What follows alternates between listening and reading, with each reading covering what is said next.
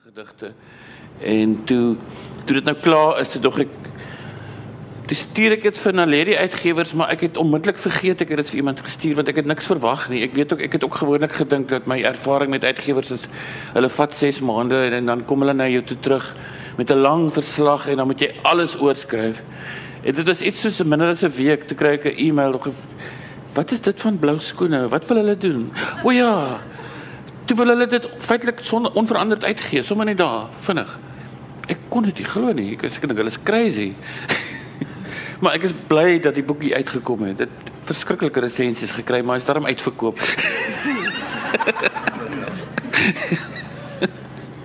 Waarvan is jou is jou blou skoene vir jou 'n uh, simbool? Ek weet dit is verskriklike lelike skoene. Ek, nee, nee, nee. Ek Hulle is nog leliker as hulle skoon gewas is. Ek ek is nog altyd lief vir Crocs gewees want hulle is gemaklik en maar my Crocs het weggeraak. Ek het een paar gehad en ek het hulle op die strand vergeet. Toe kom ek kaalvoet huis toe van 'n lang roadtrip en op op op pad na die huis toe stop ek in die mall. Ek dog ek ek kan nie kaalvoet by die huis aankom nie. Dis weird. Wat gaan my vrou dink? Toe koop ek toe kom ek by die Crocs winkel en dis toe baie duur. Maar hierdie blaues was teen 'n verskriklike discount. Die ou sê dit vir my nie this line has been discontinued. Nobody wants these. Ek sê ek verstaan, dis hulle is moes lelik. Maar ek wil hulle hê. Dis sê my vrou net, "Wel, jy kan hulle dra, maar nie as ons gaan uit eet nie." jy het uh, in 'n in 'n onderhoud, ek dink met Renay Bonen, het jy die volgende gesê, jy het gesê gedigte is soos akne. Kan jy dit onthou? Vaag weg. Ja, ja, ja, jy's reg, ja, ja. Hoe trek jy hierdie verband? Wat wat was daar nog? Dis seker nee, nee, nee, gedigte is soos akne. O ja, ja, nou onthou ek. Dit is iets wat almal doen as hulle in hulle tienerjare is. Almal skryf gedigte. Ek het ek het ook en dan meeste mense gelukkig hou dan op. en na 20 jaar het jy te weer begin. Ja. Ehm um, kwes omdat jy 'n 'n 'n liedjie skrywer ook is en 'n performer, wil ek nou vir jou vra, wat is die wat is die verskil vir jou tussen tussen liriek ja. en en digkuns? Hoe hoe hoe verskil jou proses? Ek dink eh, my liedjies het baie meer rymdwang in. Hoewel die resensente het gesê die boek het ook baie rymdwang. John Ambridge het geskryf dis nie dis nie gedigte nie, dis songs. Maar weet jy, ek kan nie ek kry nie die goed getoon sit nie. Dat daar is tog 'n verskil. Die ritme is 'n bietjie meer ongereeld. Die die rym is nie altyd op die einde nie. Dis nie heeltemal net kedunk kedunk. Ek kan nie ek sien dis hoekom ek kan nie die goed toon sit nie want daar's nie 'n koortjie nie. My liedjies het twee versies, 'n koortjie, twee versies, 'n koortjie, dan 'n lead break en dan die versie twee keer en dan's dit klaar. Die goed werk, dis 'n bietjie anders.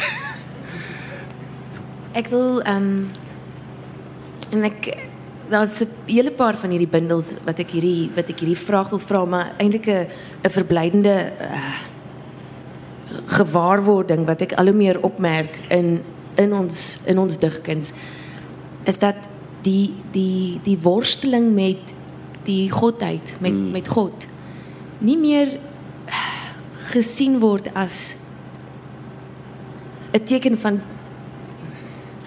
nie meer so seer gesien word as 'n teken van twyfel nie, maar as engagement met as hmm. as as betrokke wees met en 'n ja. hele paar van jou dis asof jy hom nie uitlos nie hmm. of vir haar. Ja. Dis asof ja. jy ja.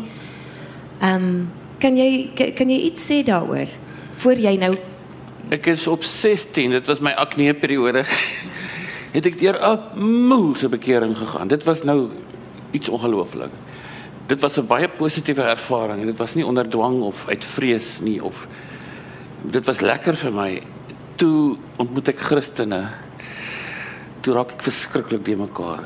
Die uittel om 'n lang storie kort te maak 10 jaar later is ek verslaaf aan drugs en ek die res van my lewe was net horrible. En toe so 'n hele paar jaar terug toe Ek dink dit was by 'n kampvuur in New Bethesda. Onthou ek daai gevoel wat ek gehad het toe ek 16 was?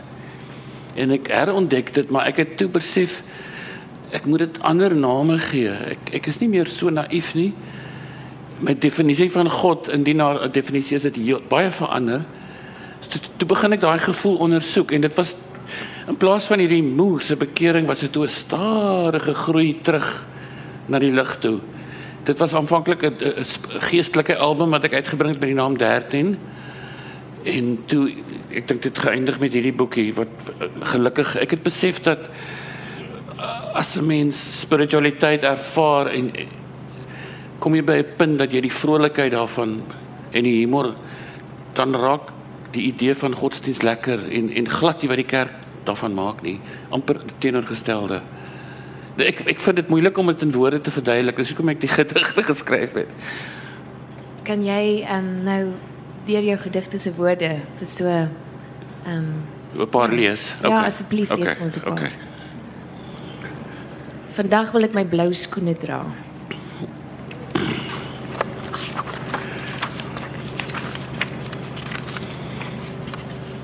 Ons sal sommer met die eerste een begin, maar ek gaan nou nie die hele boek lees nie, moenie worry nie. Dag 1. Vandag is so 'n dag, ryp aan genade, glinsterend soos die uiloë van eiers in my breakfastperientjie. Ek eet 'n toast ek drink 'n toast op hierdie gruwelike geil lewe wat eensklaps goeie goeters oor my gooi van bo. Dankie Heer. Dankie meneer. Ek bedank u al hoe meer vir die soveelste keer as 'n bietjie rym dwang vir hierdie goeie weer. hierdie groot gebeur. Hierdie aanborstige amptelike alamintige vryheidsviering wat hier voltrek vandag op hierdie plek in hierdie ek net omdat ek gister waag sê het wees my genadig en ek hou voortaan my bek want ver was dit van my om langer u gat te lek en onmoontlike gewaagte geraserige gebede soos onkruid op u akker te laat groei. Nooit weer soek ek met u kak nie heer. Van vandag af sal die seëninge indien enige van self gebeur so there. Nie vir my nie nee nooit meer maar sommer net vir alles almal en bowe alles elke fucking keer net tot u eer o heer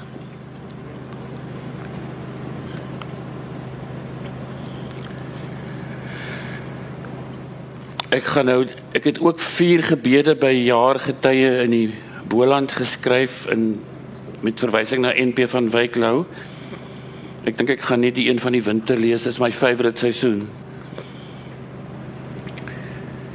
Winter. Die eerste koue luggie van die nuwe seisoen laat my hart weer warm klop.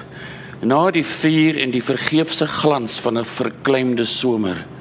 Na 'n jaar van angs en spanning staan my kop weer bergwaarts, wolke toe. Verknus en verknies en toegebind soos littekens wat eindelik ophou bloei. Weg is die najaar se angs. Weg is Desember se paranoia, die skuur van vlees op vlees, die sanderige oordaat van die ver vervloekte Kersgety. Ek kan weer kaggels bak, rooiwyn proe, deur boeke geel blaaie blaai, gedigte saai en woorde in waarheid plant. In hierdie heerlik triesterige land. Ek het die eerste koue briesie pas gevoel. Ek weet daar kom weer witter bitter dae, maar vir nou wil ek net innig droewig wees, feitelik Europees op hierdie wilde, woeste wonderwêreld winterstrand.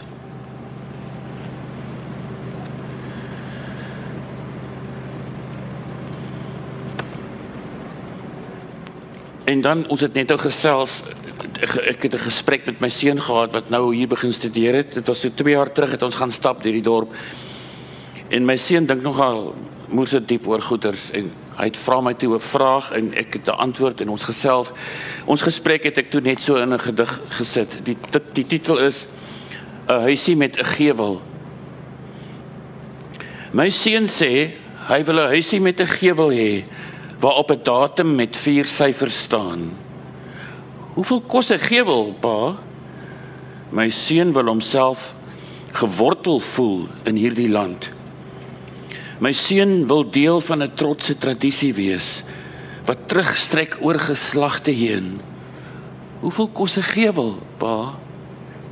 My seun, dit kos bloed en saffer en geloof harts so spykers om jou vlag in 'n stuk aarde in te slaan tot by die punt waar jy 'n gewel kan bekostig. Gewels groei nie oornag nie, my seun. Jy kan nie 'n gewel in Walmart gaan koop nie. Jy kan nie jou identiteit in 5 minute doop nie. Jy kan nie oornag geloof vind pleks van hoop nie. Gewels verg kak en hare, my seun. Gewels is duur. Gewels is in pyn gebore oorskadu met blare en geween en die oerroep van geslagte wat sê hier wil ek woon hier vind ek my seun en hier skryf ek eindelik 1651 plus 1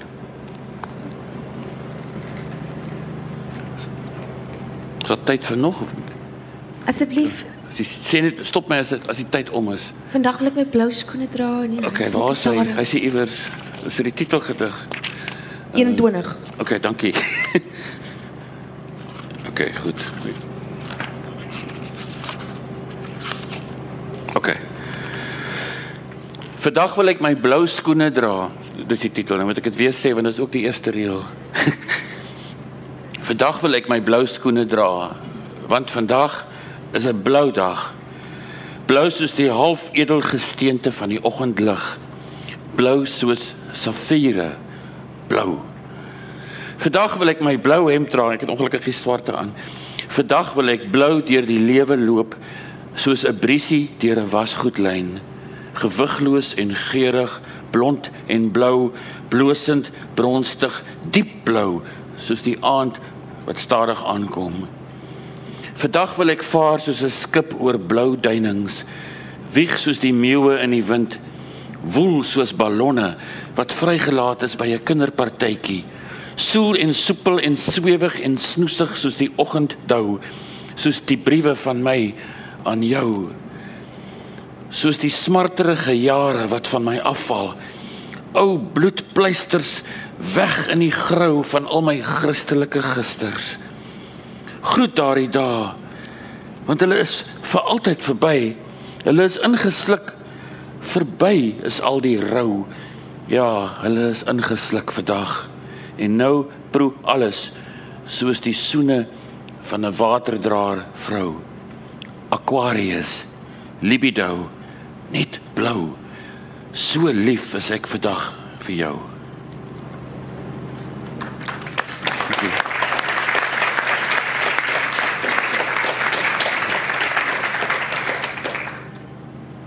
Dankie. Dankie.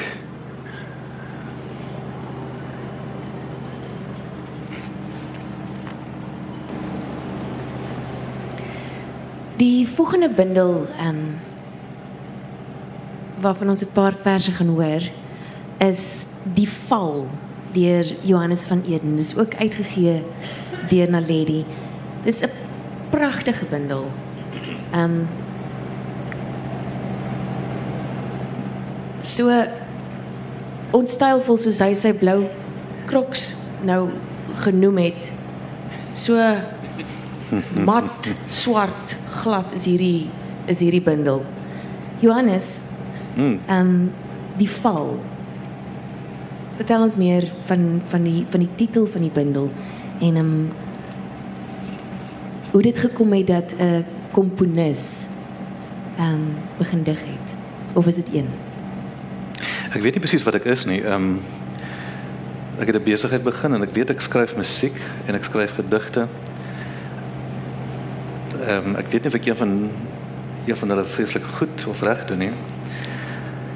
Maar ek het nog altyd geskryf. Dit is iets wat 'n konstante in my lewe was. Uh, die tema of die titel die val was 'n behoefte by my om na 'n sekere tyd in my lewe dinge saam te vat uh, ek wil amper sê klippe te stapel, 'n tipe van 'n monument te bou, iets wat ek kan onthou. Ek weet sekere mense kry tattoos, ek is nie besonder mal daaroor nie. Ehm, um, hoewel my familie, my dogter kom nou dag by die huis aan met so 'n pragtige tatoo op haar nek. En ehm um, natuurlik 2 weke later die ander dogter ook eene. Maar dis tog daai behoefte en ek verstaan dit baie goed. Dis tog daai behoefte om iets wat singulêr was, 'n oomblik wat vir jou baie belangrik was te onthou. En hierdie bindel was vir my so, ek het deur 'n klomp vreeslike vir my eh, althans aardige goed gegaan in my lewe en ehm um, hierdie was vir my amper 'n afsluiting van daardie periode. Ek sou dit graag so wou sien. Weet nie of dit heeltemal so is nie, maar dit ten minste as ek na hierdie bindel kyk, dan sien ek 'n tyd in my lewe wat verby is en wat ek voel ek sekere dinge kan van onthou en wat ek agter my gesit het. So dis hoe ek die val sien. Die vraag is natuurlik hoe ver ek geval het of ek nog steeds val. Ehm um, is ek al by die grond. Die val het temas van ehm um, as jy die bindel lees, dan sal jy sien daar's val uh, oor 'n brug spring, daardie tipe val, dis sondeval, verval. Ehm um, vir my is die gedagte van val baie sterk omdat ek self gevoel het ek het geval. Ehm um, So die titel was vir my so 'n bietjie van 'n sondeval gedagte, sou ek sê. En as jy die lyn volg, gaan jy ook sien dis 'n vrou wat ek hier is 'n vrou wat ek hier probeer ehm um, uitbeeld het. Of ten minste dis wat Deedrey probeer doen het. Deedrey Fouquet goed gedoen het. Ehm um, ja, en kort dis waar die gedagte vandaan kom vir die val. Ek dink ehm um, Lina Spies het dit genoem unieke verrassende poesie met min vergelykbare tekste in die Afrikaanse lettere. Ehm um, ons het nou net ook weer deur die bundel geblaai en dit dit is verseker daar's daar's daar's min wat vergelyk daarmee hmm. in die in die Afrikaanse lettere. Jou jou manier van van aanbieding, ehm um, die die beeldspraak, die hoeveelheid ek is dit ampersants of ampersande? Ja, ampersand. Ampersand wat jy wat jy gebruik het. Ehm um, vir die oog en die oor. Is dit 'n dit, dit dit was vir my nuut geweest. Dit was my baie Dis 'n bietjie van 'n eksperiment. Ek weet nie of dit heeltemal werk nie. Ehm um, ek skryf my gedigte regtig met 'n gedagte aan aan musiek.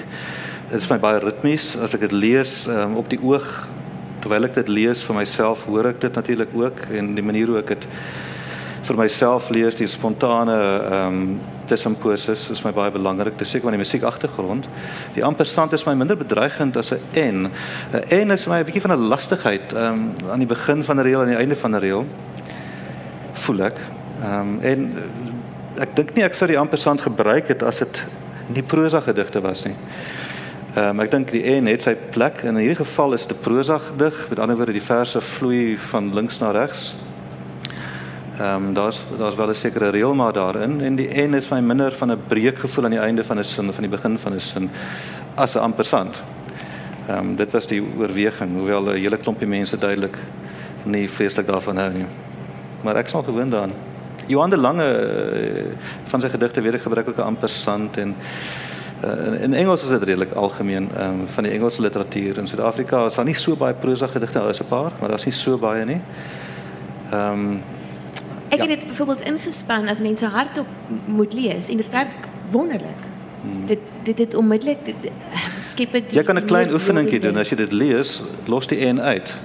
Lees hom mis. Jy kan die en eintlik maar weglaat in hierdie in hierdie bundel. Glo ek. Meeste meeste van die tyd, 90% van die tyd kan jy die en weglaat. Die ampersand is 'n plekhouertjie, soos 'n rusteken. As jy dit vir ons gaan lees, moet jy dit asseblief net vir vandag nog. Ek sal dit insit vir jou, ja. ja. Baie dankie. Julle het ook 'n uh, interessante keuse gemaak en dis nou die die laaste vraag wat ek daaroor wil vra om dit tweetalig um, hmm. om dit tweetalig aan te bied. Hoe het hoe hoe het jou keuse daarop geval en en en watter een skryf jy eers? Kyk, ek het nie die Engels geskryf nie. Dis vertaal deur Michiel Heinz. Michiel Heinz Ek woon in Switserland. Ek moet heeldag Frans praat of Duits en of Engels in my kantoor. So dit is 'n uitdaging. Ek wil graag hê die mense dan moet ook my gedigte dan kan ehm um, lees. Dit is moeilik om gedigte te vertaal. Ek dink dis een van die heel moeilikste dinge wat daar is.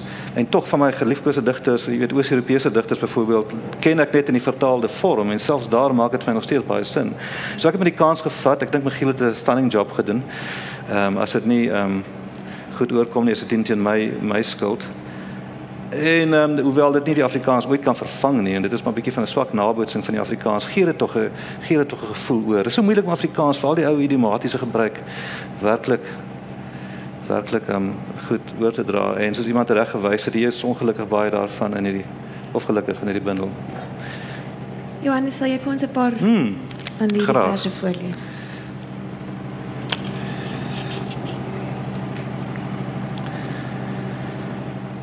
Sy spore wys terug, maar die broue beer vorentoe gekrul. Hy het opgestaan en die vallende gedagtes in herinnering gestapel terwyl die wind lakens deur die sloop van haar duie skeer en die gekleurde visse en vlak woorde glibbend in die voue van haar benige vingers poel.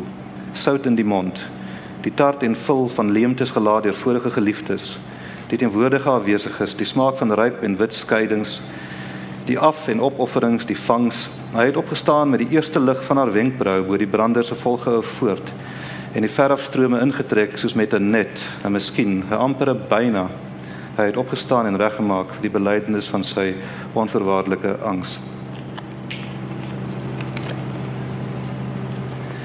Ek wil net gou onderbreek. Ek moes eintlik al gevra het na Koos, kan almal hier die woorde goed hoor omdat dit 'n woord kuns ehm um,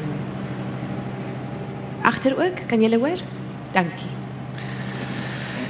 Die broos vel, die klein moesie onder die linker tepel, die nat spoor rankend teen die bobeen, die klim op, die vervlegte eensaamheid, die verte, die frons, die tong in die plooie verval, die tone vorentoe gekrul, die stywer kuit, die rug se buig, die bewuste stadiger beweeg. Die heupe se lig, die poging tot uitstel, die einde se inhaal, die koms, die stilstand van die son. Die lyfloosheid, die bewuswording, die akskeen wat ontspan, die uittrek, die omrol, die vrede, die skuld, die volgende, die beweging, die lig deur gordyne, die sy, die bene ontknoop, die toetrek en opstaan en bedekking en kos maak en kinders, die koue nakoms, die plig.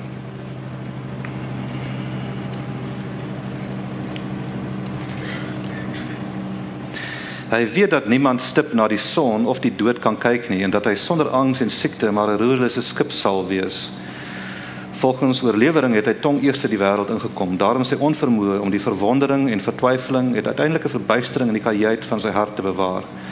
Pront en 'n liefdesgevaar het hy dus verklaar dat God ook joune die antwoord is op vrae wat hy nooit gevra het nie. En die gevolglike gebede, hartseer en opregte versoeke van die wat glo sy spoor is byster, sy redding rakeling, sy siektes aanmanings en sy pyn, die nodige spyker om sy polse stil te klamp in lig en blinde aanvaarding reeds vergete. Die laaste strooi het soos 'n boom uit die blou te verskyn en regop met die skerp spitse van hul wit berge agter die nog liggroen lenteblare gelig en jong bokkies wat elke nou en dan ore wys in die agterplaas teen die rand van die woud. Skuins bo die kronkelende paadjie met sy brug oor die stroom wat heeljaar vloei, soms onder lae ys maar lopends nogtans saam met die voue van minste weerstand. En die besef dat gaan en laat vaar nou gedryf word deur 'n onsigbare krag waarteen hy magteloos wel die halms herinneringe aan handgevoude papierbootjies wat in vroeë jare resies kon gly oor klippe en ligte kolke wat nou nat oopgevou en skrifteloos rus op die donker en stil bodem. Nog een. Asseblief, ja.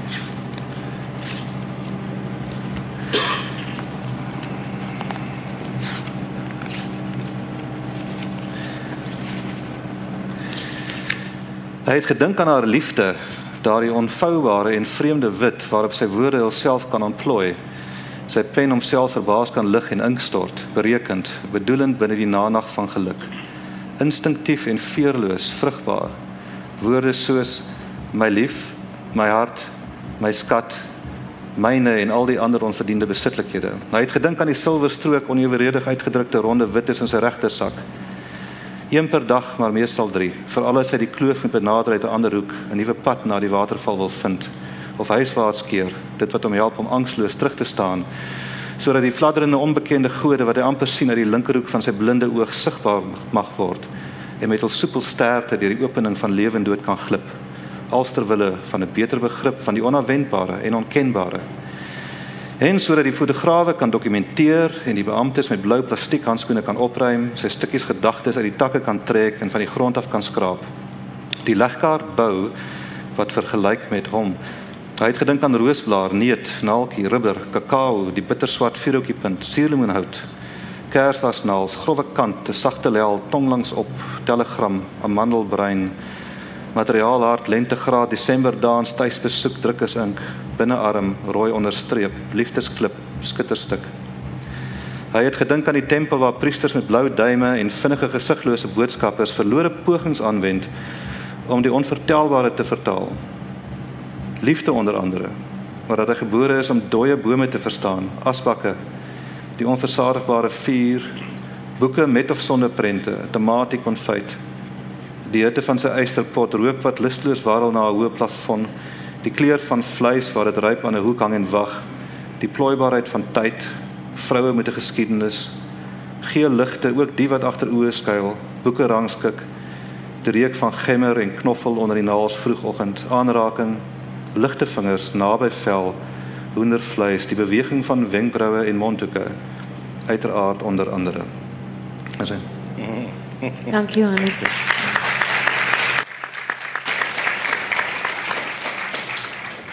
Die val uitgegee deur Naledi.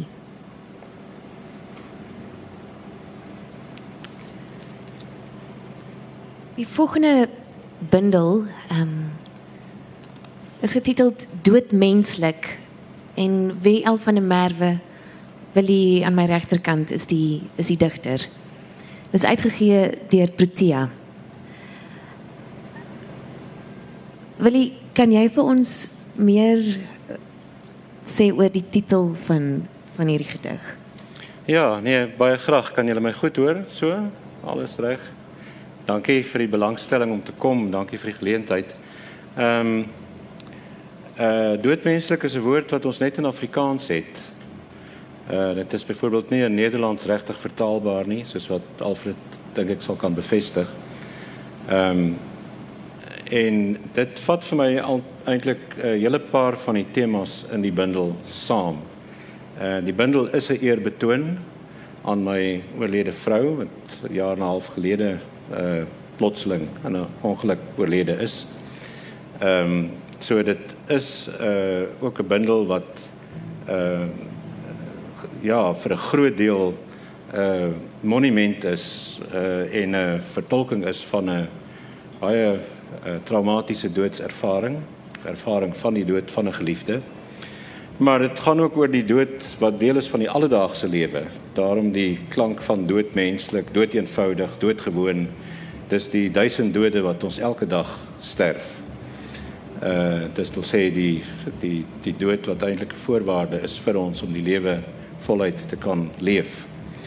Uh die verband tussen skoonheid en verganklikheid dat ons nie skoonheid kan ken en regtig kan ervaar of beleef as dit nie was dat dit kortstondig is en vervlietend is en verbygaande van aard is. Daarom ook die kunswerk van uh, stryd om my broer wat ek gekies het uh, vir die voorblad want dit die voorblad is eweseer deel van die uh, is is eintlik die eerste gedig uh, in die digbundel daar's dis baie redes nog 'n rede is dat dit het ook die klank van 'n baie bekende boek een van die heel eerste van Nietzsche Uh, in Duits is dit is dit uh, menslik, al te menslik. Human all to human of menslik al te menslik. En ehm um, dit is 'n boek van aforismes van Nietzsche wat juis gaan oor ehm um, oor die dood, maar ook die verhouding tussen dood en skrywerskap en dood en taal en hoe dat die taal 'n soort uh, geleier is of 'n katarsis kan teweegbring of 'n transformasie kan bewerkstellig uh jy weet om vanuit uh dit wat nie skoonheid is nie, skoonheid te maak. Dus ek wou graag daai betekenis ook vasvang in die titel. En dan ek dink 'n laaste aspek wat ek graag sou wou noem is die belangrikheid vir my dat die goddelike eintlik in die alledaagse aanwesig is. So dit gaan oor die sakramentaliteit of die sublimiteit van die alledaagse van die doodmenslike en dit bind vir my eintlik die spektrum saam in die bundel van uh verskillende uitbeeldinge van ons liggaamlikheid veral van die potsierlike en ons 'n paar heel skurwe gedigte in die bundel uh tot en met die sublieme van liefde maak as nog 'n manier van te sterwe in mekaar se arms maar gelukkig weer op te staan hopelik Wil dis jou debuutbundel, 'n uh, relatief laat debuut. Maar ek wil vir jou vra, ek wil nog vir jou 'n paar goed vra. Maar kan jy die die gedig wat jy eerste geskryf het met doodmenslik um, want toe jy eerste keer die woord doodmenslik gebruik het in 'n gedig. Ja. Kan jy vir ons daai gedig Ek kan voorlees? lees, maar ek dink dit is so bekend as ek net die eerste reël lees, dan sal almal dit eintlik kan oproep. Ja, Moet ek maar doen? ek dink nie Goed. almal weet dit is jou gedig nie. Goed. Voortaan sal ek winterskemers vlei langs loop en droë takkies van geraamte struike stroop. Wilgers sal gekruisig aan die hemel hang en ek sal doodmenslik na jou terugverlang soos na die somerse rinkink van vinke en palmiet en die onbeholpe liefde van wilde ganse tussen riet. Wanneer het jy daai gedig geskryf? Ongeveer in my eerste of tweede jaar uh, as student. So in die 30s. So dis in die dit is in die 70s. Ja, om presies te wees 19 Nee, dit was nou net een 19 baie groot grap. 1977 ongeveer. En wat het wat het gebeur dat jy ehm um, Ek het gehoop dat daar 'n verhouding sou kon ontwikkel tussen my en Letty, my vrou. En uh en dit het dit het gelyk asof dit nie sou kon gebeur nie en ek het gedink ek moet afskeid neem. Sy was die liefde van my lewe toe en ek was bereid geweest om verder te leef sonder iemand.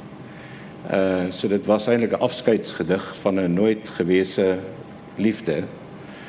Uh en ja, nooit kon ek dink dat dit uiteindelik die opdraggedig sou word uh van die bundel vir haar.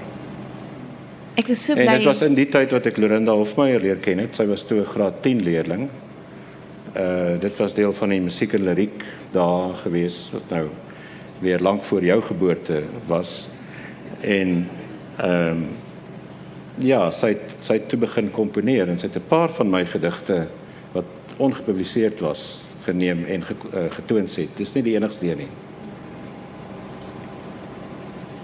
Ek was eintlik op pad om vir jou hoe hoe het dit nou gekom dat jy nou eers debuteer, maar ek is so bly jy het my in die middel gestop en dit dit dit dit skep net nog ekstra konteks vir hierdie 'n woord wat ek nou by jou geleer het. Hierdie deurgekomponeerde bundel. Ek is mal vir daai woord. Ek gaan dit nou gebruik vir Ja. alles. Ehm um, Ek dink dit was een faktor wat my weerhou het daarvan om vroeër te publiseer. Ek ek het wel 'n paar keer uh nou nie regtig pogings aangewend nie, maar in die rigting begin dink van uh, ek wou altyd graag 'n bundel, my eie solo bundel publiseer. Uh Andre het my baie gehelp uit uh toe ons nog heel jonk was.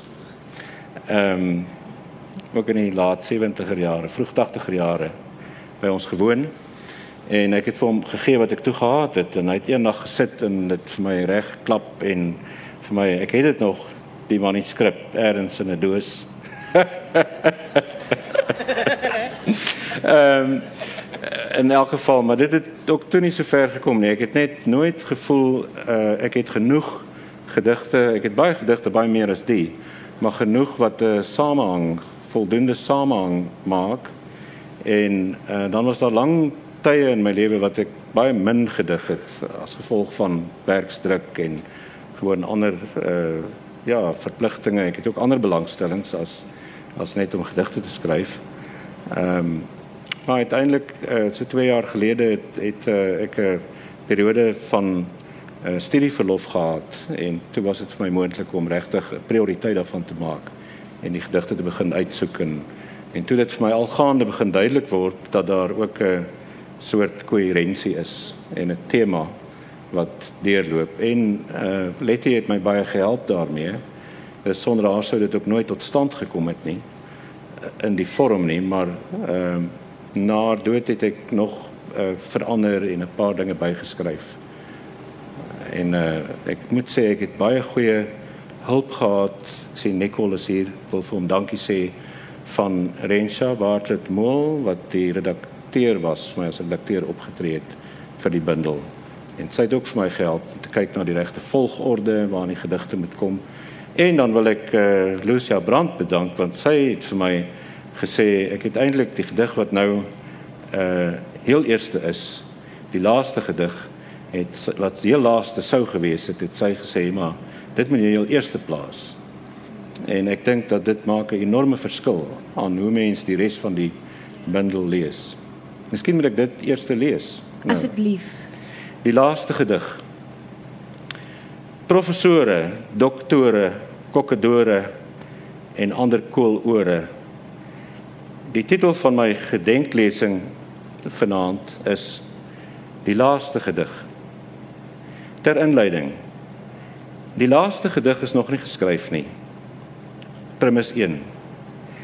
Die laaste gedig sal lig werp op wat onsegbaar is en dit daarby laat. Premis 2. Dit sal 'n gedig wees sonder woorde en metafore, beeldspraak, metrum of rym, sonder sintaksis of lettergrepe. Konklusie. 'n Gedig sonder taal, 'n gedig in wit strepe op papier sonder verband of betekenis, net 'n leesteken hier en daar wat signaleer hier is die graal van stilte in git.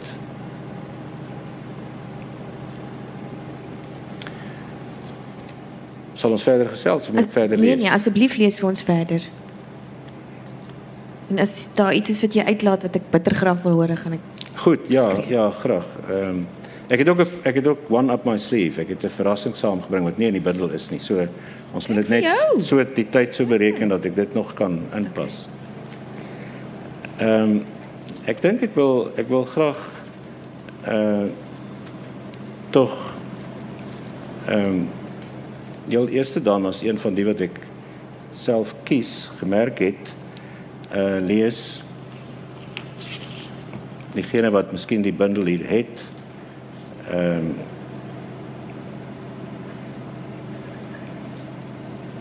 So kom nou.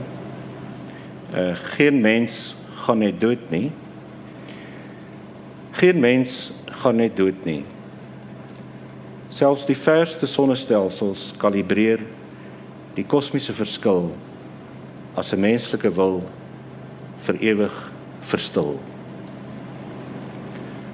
Op ons planeet In ons dorp vlieg duwe uit die nisse van klokke en swiep handomkeer op en neer onverskrokke na die hoogste nokke. Geen mens gaan net dood nie. Selfs in my tuin eerbiedig rispers die dood en wag die oomblik af voor hulle verder vreet en vlinders word. Geen mens gaan net dood nie.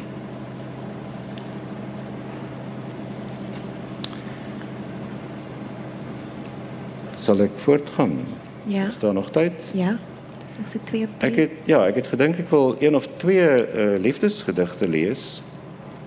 Ehm um, nee, die eerste is om omdat dit ook 'n bietjie 'n ligter toon hierdie is nou swaar geweest. Uh wat sy 83. Ehm um, dit gaan so my cello. Soms verbeel ek my my strykstok, my strykstok streel op plekke waar dit sing as ek jou so bespeel. Panis Angelicus. Die berggaans het 'n veer laat val. Daar kom die jong soldaat, sy voete loop na Wellington, maar hy gaan Woester toe, want dit is waar die liefde lê. O jette, Hy wil vir suikerbossie hê. Maar Hasie het gesê: "Hoekom is my stert so kort? Wat het van my stertjie geword?" Uh, veel tyd het ons nog vir hierdie ronde. Een of twee. Nog een? Een. Troos en hoop asseblief en dan 'n baie kleintjie. Soos optelsom of so. O, Miskien. goed.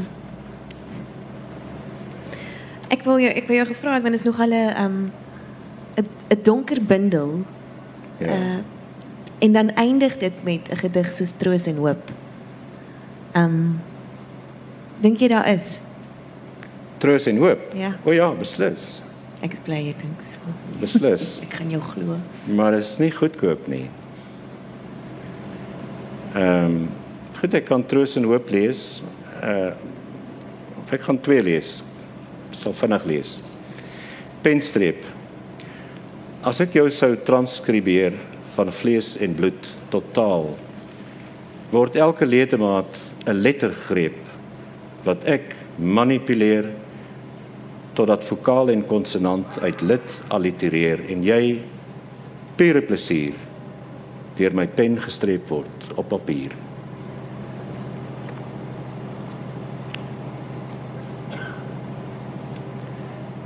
Troos en hoop. Jou oë is so groenig grys soos dennebos en tortelduif. Jou hare is so bruin verby soos koffieboon Barlenka dryf. Jou hande so deurskynend sag soos spinnerak of narkie skuif. Jy's woud en waterval, brood en hanepoot, maar bovenal in lewe en in sterwe my laaste troos en hoop. Maar dan met plaasbotter en stroop. Dankie Willie. Dood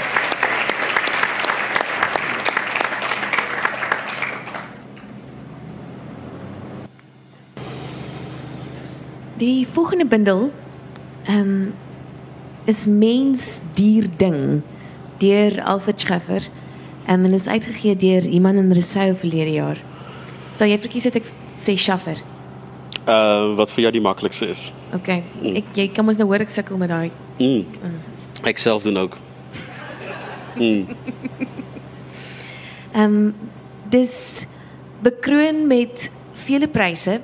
Ehm um, dis al in Frans en Engels vertaal en Sandra Bezuidenhout het dit toe in Afrikaans vertaal en iemand beskryf dit as 'n poëtiese kragtoer. Ehm um, Alfred, vertel ons hoe jy hier gekom het, net net in net in kort by die Universiteit van Stellenbosch. Sjoe. Uh, uh door Epos. Ek het uh, ek het 'n Epos gestuur dink ek en daar was 'n uh, moet dit maar om om switch naar die Afrikaans kies. Ehm um, soms een job description. Ja. Uh, er was 'n was 'n pos. Ek was ek was in Amsterdam. En er was 'n pos wat vrygekom het. Uh hier en uh 'n bevriende professor van my in Nederland het vir my gesê daar is 'n plek in Stellenbosch wat hulle adverteer. En ons, hij het, ik weet niet eens meer, maar ik denk hij het geweten, ons is op pad uit, uit Amsterdam. En toen zei je moet aanzoek doen voor daar die in. En toen had ik het, toen kreeg ik die post. Toen is ik hier. Ik heb mijn eh, PhD op, uh, op UCT gedaan. Bij, uh, professor Snijman, mijn groot leermeester. En ik onthoud nog wel die gesprekken daar die tijd. Was, het, het, ja, Stellenbosch was die nemesis. Nee, het was het was omtrent uh, dit, Stellenbosch is verkeerd en je weet, blij bij UK. En toen zit ik nou hier. Um, en eigenlijk nou nog wel hele ruk. Ik heb 2011 begin, zo omtrent acht jaar zit ik nou op Stellenbosch. Ja.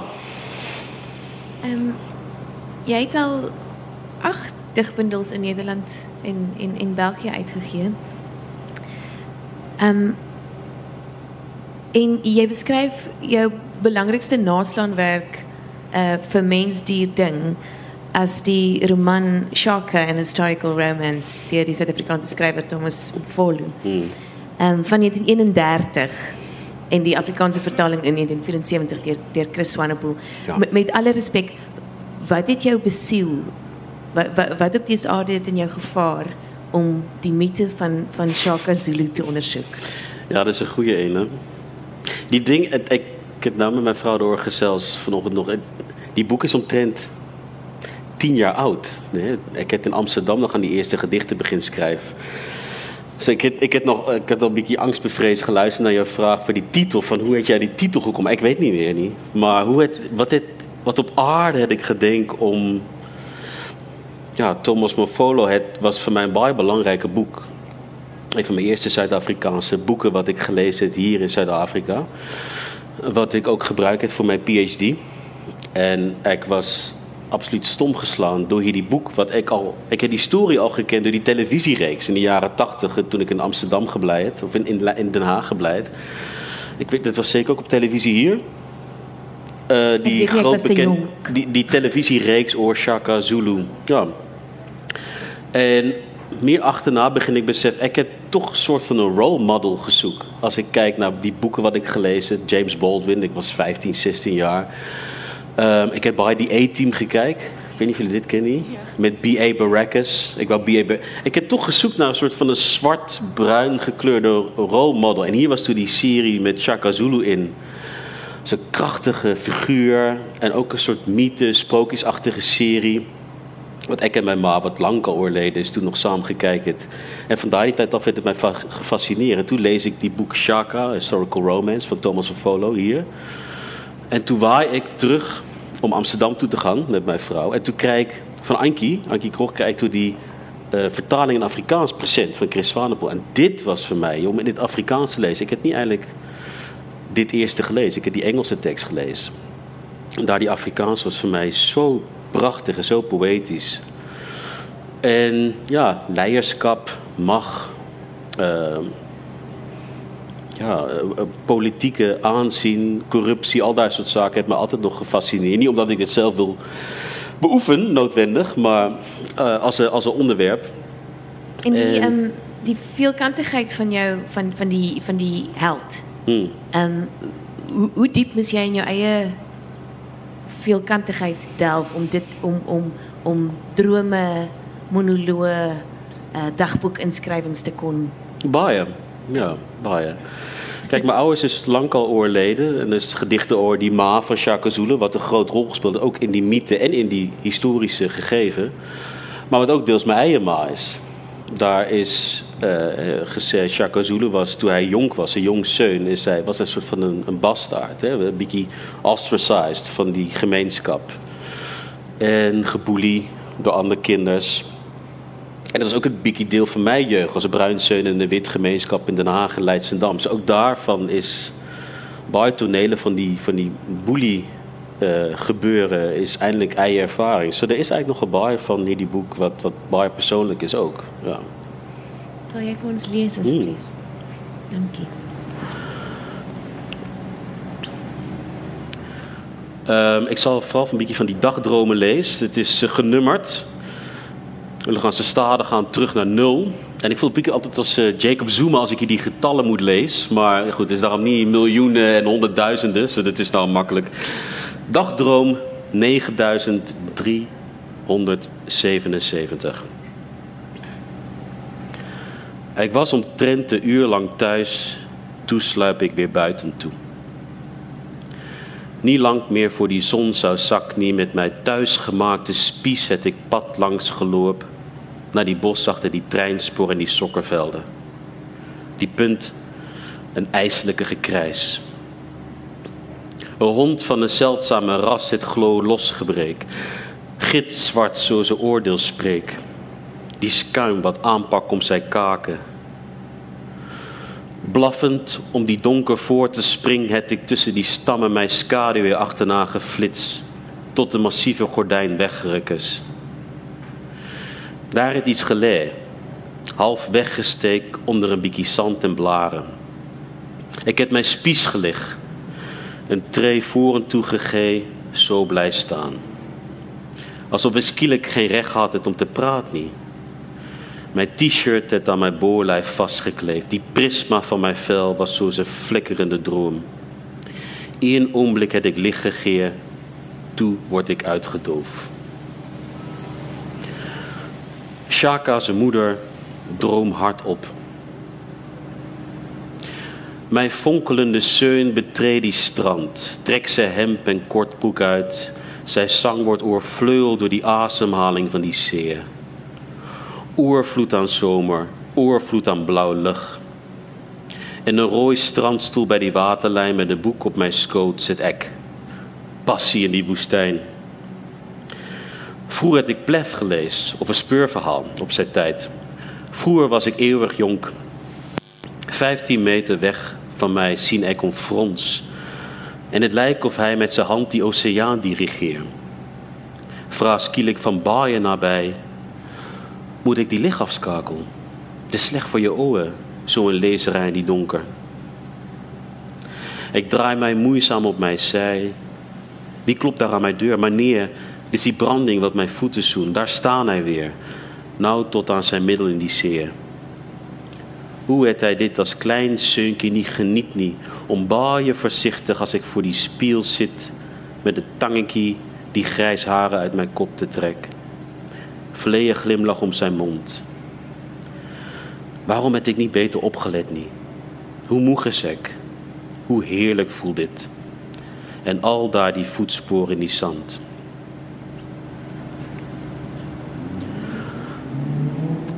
Dagdroom 598. En die, gaan over wat kar rijdt, maar die is ook gebaseerd op mijn eigen ervarings met, uh, wat is het niet, Helshoogte, maar die andere pad op pad, die N2, daar waar je hoog op gaat. Wat is dat nou, die pad, zijn naam? Sir Lowry's pad, pas, ja.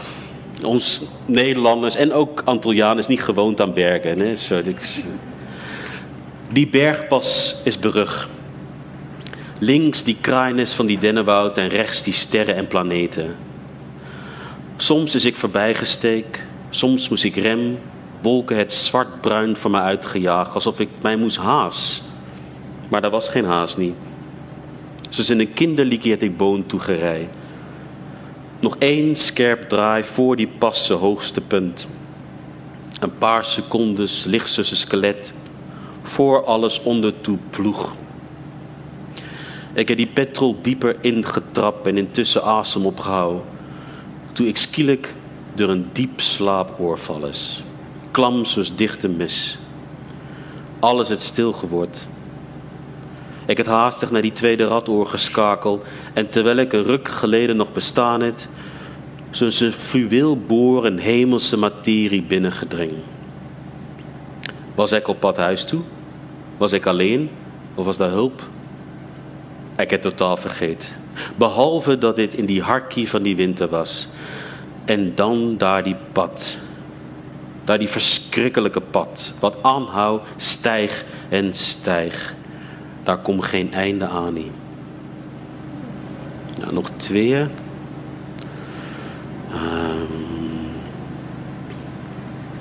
Ja, eerst maar die. Dagdroom 207. Als ik terugdenk aan daar die stad met al die water, is het nacht. Ik sta op straat, waar kan ik niet zien? Ik moet bij die huis komen. Op goede geluk af volg ik die gracht. Nes ik denk, ik is bijna daar, kom een bokkie razend van angst door die zwart water aangehard loop. Drie hyena's zitten om hard zoals een alarm achterna. Onder hul poten spat lichtfonteintjes op. Voorbij die brug skiet die natuurgeweld naar links, raakt buiten zich, dan is het stil. In die daglicht stinkt die water niet. Boten schuift door die middenstad met toeristen aan boord, wat voor fietsrijders waai en voor alles wat beweegt. Ook voor daar die man wat lijkt of hij wil wegvliegen. Arms wijd gespreid, verduisterd door. Een paniek bevangen gewonde voel dit kan niet toevallig geweest, die daar die man is ek. Hoe driftig ik ook al mijn vlerken klap, ik kom net niet van die grond af. En intussen wil ik toch graag bij die huis komen. Dit moest Iwis geweest zijn. Ik kan schaars geloven wat ik in daar die pikdonker gezien heb. Nou, dan die laatste. Een is die gedicht wat ik, die, die, die, kortste ligt nog wat ik, ik denk dat in een minuut had ik dit geschreven, toen was het klaar, is baie lekker. Om iets korts te schrijven. Uh, dit heet ook Lekker, is die titel. Het gaat een beetje over mannelijke viriliteit. Onder die stort, op die tafel, op die wasmachine, wat skut en beven en brul onder die tafel, in die hijsbak, onder die teerpad, op die bank, voor die venster, met skaakspil, in die laboratorium, in die openbare toiletten, in die trein en op kantoor, in die donkerkamer, op die strand en in die zee, of op een berg, in die winter, in die motor, in die vruchtenmankie, in die ijskas, in die kombuis, tussen die weggeekleren, in die tuin, voor slaaptijd, in die sauna, in die zwembad en goed was, en die aanpashokkies in die bioscoop. En ja, in bed. Alsjeblieft. Dankie Alfred. Graag gedaan. Mens dier ding.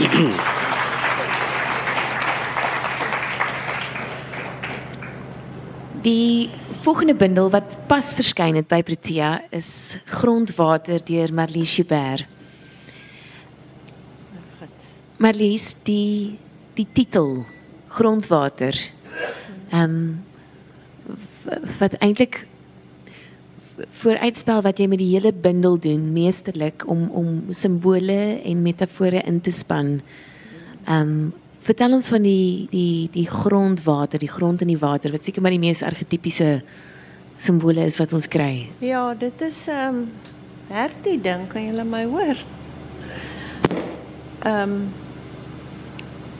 Daar's meer betekenisse vir my aan die woord. Nou weet grondwater. Jy sal dit op die eerste vlak nou kan lees as geologie. Weet waar reën deur poreuse rots sypel en dan 'n uh, water 'n vakuum dan vul met water of so, né? Ehm um, dis ook boorgatwater ensovoorts.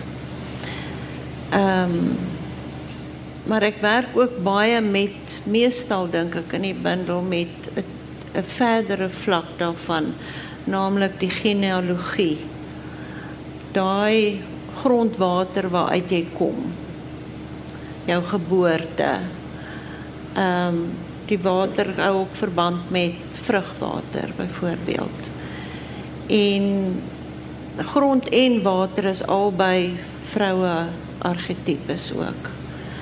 En ehm um, ja, en dit is verskeie moontlikhede wat ek ontgin het daarvan, jy weet, wat heeltemal half spontaan ontwikkel het oor 'n tydperk. Ehm um, dit het ook te, te maak met kreatiwiteit. Ek het die bundel in vyf afdelings verdeel. So in die eerste afdeling gaan dit meestal oor geboorte en gaan oor daar is ook familie in ensovoorts die huis die begin kan jy maar sê jeugjare daar word verwys na jeugjare ook. In die tweede afdeling het ek ehm um, die digmaak meer belig wat beteken dit om te dig en hoe sien ek 'n gedig en ensovoorts Mag ek net daai daai klein stukkie, ek weet nie of gaan gaan jy soos die dood voorlees vir ons? Ekskuus? Gaan jy soos die dood voorlees? Die gedig. Soos die dood. Ja. Nee.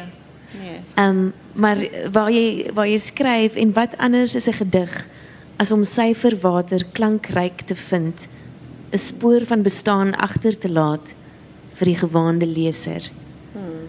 Ehm um, wat wat wat jy na my beskeie mening absoluut reg gekry het in in in hierdie bundel. Ehm um, dis 'n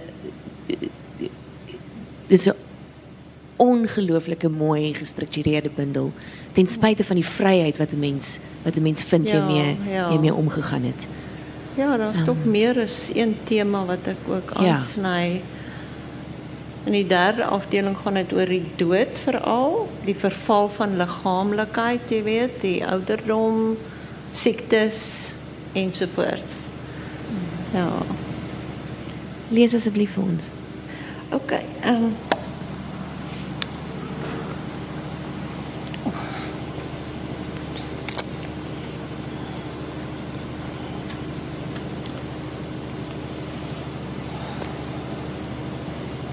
ouderdom bring pille en brille ook saam. Ja.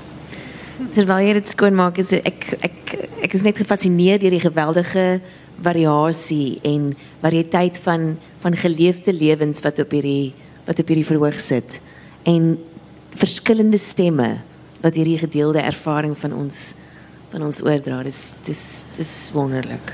Ja, die ge- Ek dink daarom die gedigte is baie toeganklik. Ek sal begin met ehm, 'n um, satiriese gedig, miskien 'n tweede een ook lees. Ehm um, ja, hierdie gedig is ook uit daai tweede afdeling wat gaan oor digmaak ensovoorts. Die titel is Digter. Op sy beste is die digter 'n fotograaf. Op sy slegste 'n papegaai. Die fotograaf-digter neem miljoene fotos. Hy is uiters bedrewe. Wil alles dokumenteer en terwyl hy hiperventileer in belewenis, skud hy letters uit die beeld om 'n gedig te ontwikkel. Hy flans ritme, struktuur en betekenisse saam. Hy skep 'n nuwe foto, leesbaar vir almal. Hy skryf soos hy gesluiter is. Die papegaai digter spog met sy tuiste op die wye skouers van ander. Kruip soms weg in sy koutjie asof hy 'n geheime deentjie fluit. Hy steel woorde. Hy plagieer luidkeels. Hy kwak agterna en soms laat los hy gestringde vloeke net om jou te beïndruk met goudomlynde neonvlerke. Sy snavel 'n diamant boor waarmee hy spieelstukke sny. Hy skryf nie regtig soos hy gebek is nie. Op sy beste is die fotograaf 'n digter. Op sy slegste is die papegaai ook digter.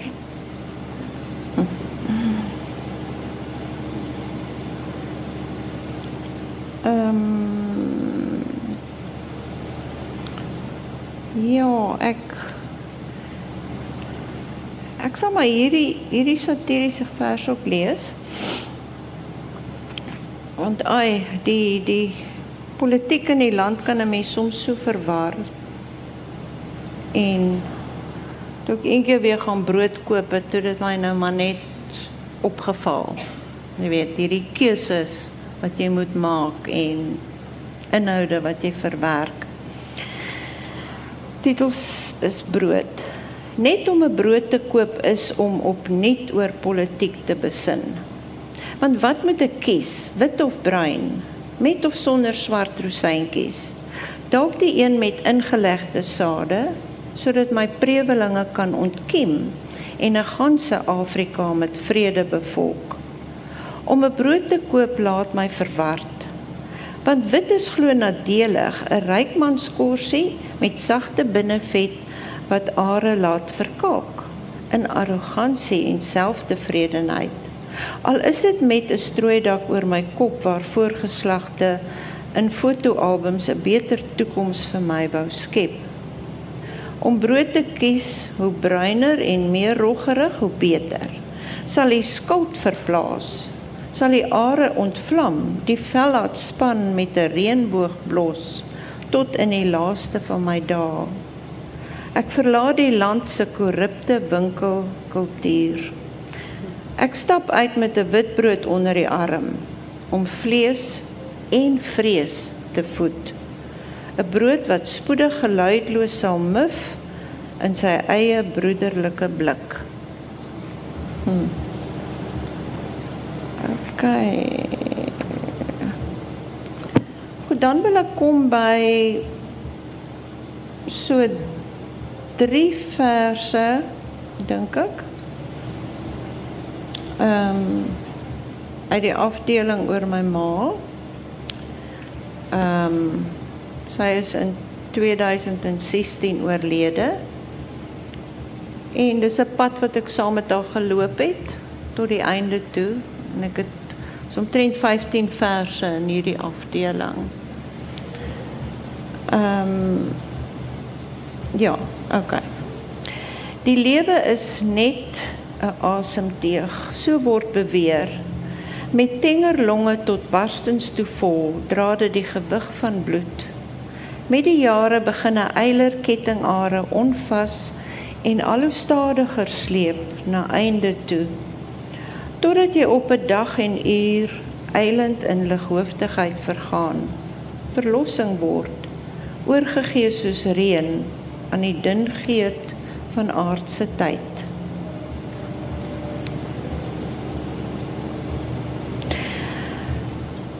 Dimensie Wie is hy nou?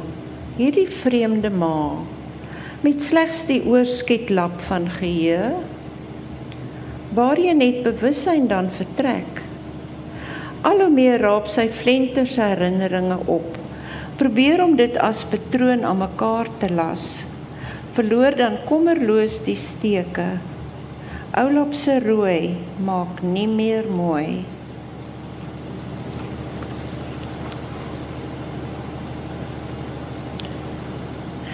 Sterwe.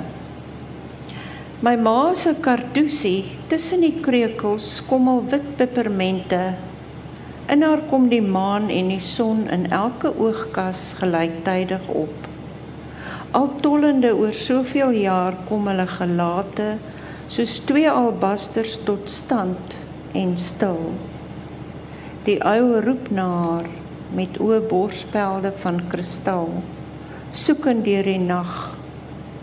My ma se kardusie, haar mond skeur oop Ek hoor die pepermente val en val en val. Ek tel hulle een-een op, proe in my mond. My tong treur oor haar aardse bestaan, vlietend en herhalend in die roep van die uil. Um opskyk. Balkon. Op hierdie klein balkon sou jy staan. Jare lank tuur oor bessiebome en 'n tuin tot hoog teen die helder berg bo kan die landgoed van Lourensfit. Soms lemskoon, soms gehul in wolk. Dis die laaste keer dat ek besoek af lê. Die laaste goed is uitgedra. Jou plek leeg alle beelde vir verblyf slegs 'n elegie. Die mure stil en blas verraai geen lewe hier. Jy het vertrek asof jy nooit op aarde was. Op hierdie klein balkon staan ek waar jy eens gestaan het in lig of waan, in verwondering aan die maan se vrug. Ek slaan my oë op na die berge Waar o waar kom die dood vandaan? Jy is reeds geblus in 'n kussie as. Jou geheue tot teen die wis ontveer. En tog jy draai na my uit die niet en antwoord: Kind, die dood sien niks, weet niks. Die dood begin in die al vergeet. Ehm um, laaste gedig. Dankie. Laaste een is brief. Toe jy sterf, my soet sagte ma, verinne weer en uitgeteer. Jou kyk verseël om nooit weer oopgemaak te word nie. Toe het ek gedink, so is dit nou. Hier eindig alles dan. Die som totaal van my eie jarigheid. Immer die verdwaalde poeiermot wat in jou lampies lig dikwels heling soek. Selfs in die bietjies hitte einde toe. My kop in jou nekholte laat weer klaag met mompelinge toegerol in meel. Hier eindig alles nou. En sal ek jou asse ingeweef word met stof en watergrond. 'n Purpermat waarop ander onwetend sal trap. Hier eindig dit soos ligte af. Asof sterre doof, ink en taal 'n verlede word. Alles toegeskemer in eklips. Ek vereis, opaliseer in my vel. Ek verken my voetval saam met jou. Fragmentaries Ons kuiers, die lang gesprekke, die kort reise, die films en boeke wat ons meegemaak het kegelroomhuise op die strand, teen skons en mettertyd smel die afstand waarin ek wou vlug. Waai die weemoed weg asof lint. Word ek ligter, ligwarm oor hoe verstrooiend naby jy nog is. Hoe binnenslyf jou stem kan troos. Hoe ingedeeg iets van alles nog in my woon. Hmm. Dankie Marlies. Dis grondwater. In die ehm um, laaste bundel vir ons ons tyd saam wat ons gaan bespreek is die die goeie vrou en ander mites deur Corlia Fourie. Ehm um, ek ervaar hierdie bundel saam so met vele ander mense as geweldig toeganklik, pretensieloos. Ehm um, vertel ons van die die goeie vrou en ander mites as titel Corlia. Ehm um, die goeie ek weet nie kan julle hoor as ek praat. ek het nie daar mense gewees, daar's vrouens gewees wat vir my gesê het wat ek sê is dat daar nie goeie vroue is nie. Maar dit dis is soos ek dit bedoel het nie. Ek het bedoel dat in alle kulture of in baie kulture, miskien nie in heel ou kulture nie, word daar gesê wie is 'n goeie vrou? En die goeie vrou is gewoonlik die een wat nooit iets vir haarself moet vra nie. Sy moet alles van haarself gee vir ander mense, vir haar kinders, vir haar man, vir haar gemeenskap. So sy moet altyd laaste aan haarself dink, sy moet altyd laaste in die ry staan. Nou baie vrouens kry dit reg om jy weet dit van hulle te laat afrol of wat maar daar's vroue wat hard probeer om hierdie goeie vrou te wees en dan eindig hulle miskien um baie moedeloos baie jammer vir hulself of hulle besluit eendag dis nou die einde en hulle gaan uitstap en is nie net mans wat seksisties kan wees nie vroue is net so seksisties en baie vroue hou ander vroue amper probeer om ander vroue onder te hou. Jy weet dit sien mans wat men, wat mense uh vroue verdruk nie. Baie mans doen dit nie. Baie mans is nie seksisties nie. So en baie vroue is seksisties en hulle probeer baie hard om vroue in 'n sekere patroon te hou. Dis dis soos ek dit bedoel het. So jou eerste gedigte is is gegrond op op op daai tema, ja. portretstudies van Ja. van bepaalde vroue.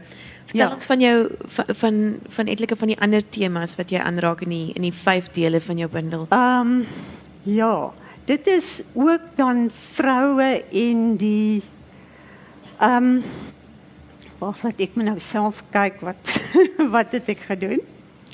Ehm um, Tuisen Dit is uit. Tuisen uit. Ja. Ja. en dit is ook eh, om die huis en so aan. Die wye wêreld in is wyer, kyk wyer as net bloot die huis. Bloeityd is bloeityd is jonk wees, maar terselfdertyd dis bloed ook. En dan het ek ook 'n paar satiriese gedigte geskryf wat in Kirang en ander rebellikhede is. Sal jy vir ons lees uit gedigte uit Vers- uit uit die verskillende. Ja, asseblief. Ehm um, dit die goeie vrou en ander mites, een van die vroue wat op haar manier ontsnap het van hierdie um, ge gegiete standbeeld idee wat mense van haar gehad het was Helen Martins.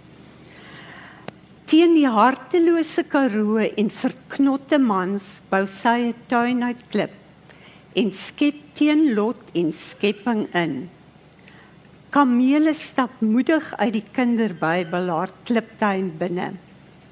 Die uile sal hier nooit hul oë kan knip of hulle vlerke kan klap. Die wyse manne versteen nog voor die staal. Binne die benoude ouer huis word gekleurde glaskerwe 'n kaleidoskoop waardeur sy die paradys in kyk.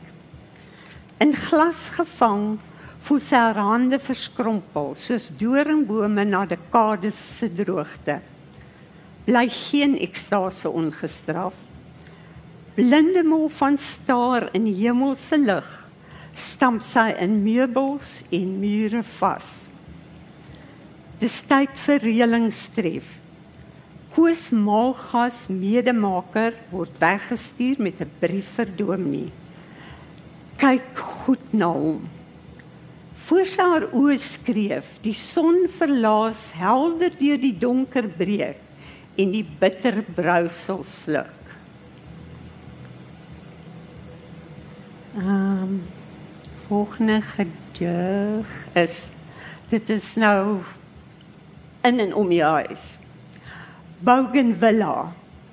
Agter my tuinmuur teen ryp beskut groei my inkommer Bougainvillea sterk teen 'n huismuur.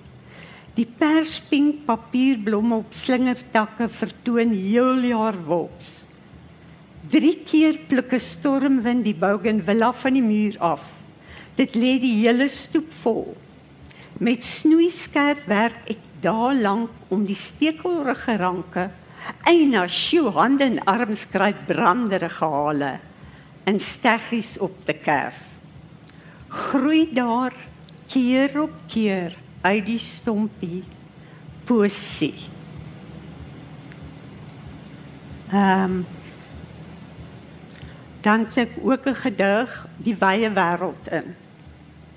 Rolbossies. My meisiekinders is val val op dun bene die agterdeur uit om met modderhande en helder oë terug te tol. Later analiseer die chokkers ballet, kuns, drama, draai terug met oë vol vuurvliegies. Swem nog verder en verder weg. Oproepe uit Parys, Dijon, eposse uit Londen, New York, Ek skryf Zurich, Madrid. My kop sê dis goed om te wil waar jy wil. My hart fluister. Mag die Afrika winde julle na Afrika bos vaswaai. Die bome se takke julle vang, vasgryp, verstrengel.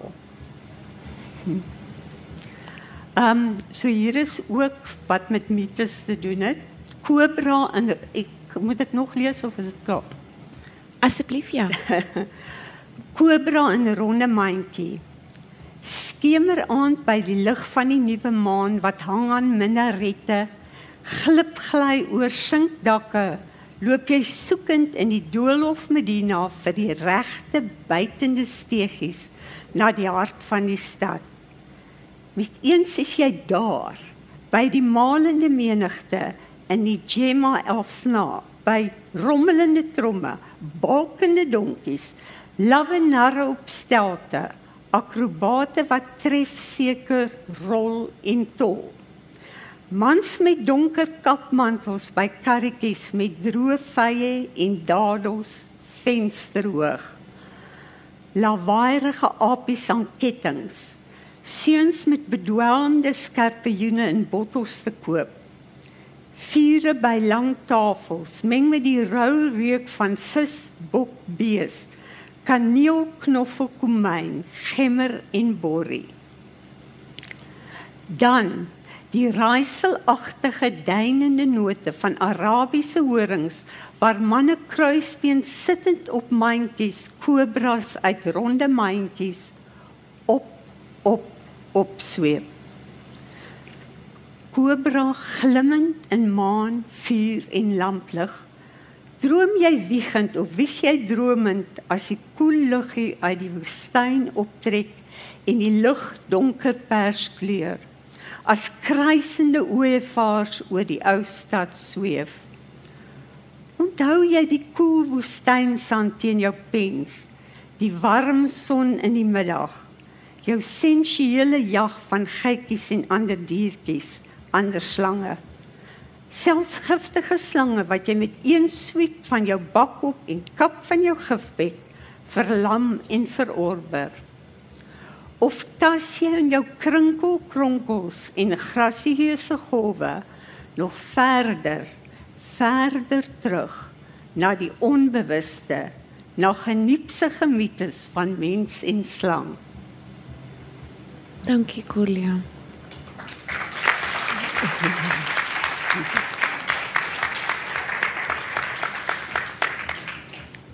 The Beatbundel. Ehm um, ja, ek het nooit gedink ek gaan gedigte skryf, ek het nooit eens aan gedink nie. Maar ja, daar's net soveel goeie digters in Afrikaans. Mense wil nie ook skryf nie en dalk skryf jy nou nie baie vrot. So maar nooit het 'n idee vir 'n gedig in my kop gekom nie. Tot so 10, 11 jaar gelede toe gaan stap ek ehm um, een middag in Johannesburg in 'n park. En toe ek terugkom, toe dink ek maar hier's iets in my kop, maar dis 'n gedig maar ek skryf nie gedigte nie. Toe gaan sit ek maar en ek skryf dit op my rekenaar en vergeet daarvan want ek skryf nie gedigte nie. So so pa, sê maar 6 maande later, ek noem sommer nou 'n getal. Toe weer iets. Ehm um, en ek skryf dit toe nou maar nee, ek ek dink nie eens in die bindel nie. Maar so het dit aangegaan. Soms het daar iets gekom en soms het daar niks gekom nie en dit het vir eintlik vir lank net so gelê en skielik het daar weer 'n klomp prikkels gekom en 'n klomp klomp gedigte. En toe op 'n stadium dink ek, "Haai, my ek skryf nie gedigte nie, maar ek dink ek het nou min of meer genoeg vir 'n bundel." So niemand was meer verbaas as ek nie. Dankie. Die goeie vrou en ander mites uitgegee deur Protea. Dit is vir ons, ehm um, ek dink uh, geweldig gepas dat hulle dit die digtersparadys noem, want jy gaan nie net deur die paradys nie, maar ek dink ook baie keer deur deur hel om om vir ons hierdie hierdie woorde op te dis wat wat wat eintlik dui op ervarings wat ander kan woorde is. En dit is dis 'n dis 'n dis 'n brawe ambag. En en julle is braaf om vanmiddag ehm um, ja, bietjie mal ook, maar braaf om vanmiddag hier te gesit het. Dankie en en dankie vir julle teenwoordigheid. Ehm um, die bundels kan ek sê waar die waar is die bundels te koop? Is dit hier agter? Daai kant. die bundels wat nog nie uitverkoop is nie, wat sopas die lig gesien het, is aan daardie kant te koop. Ehm um, jy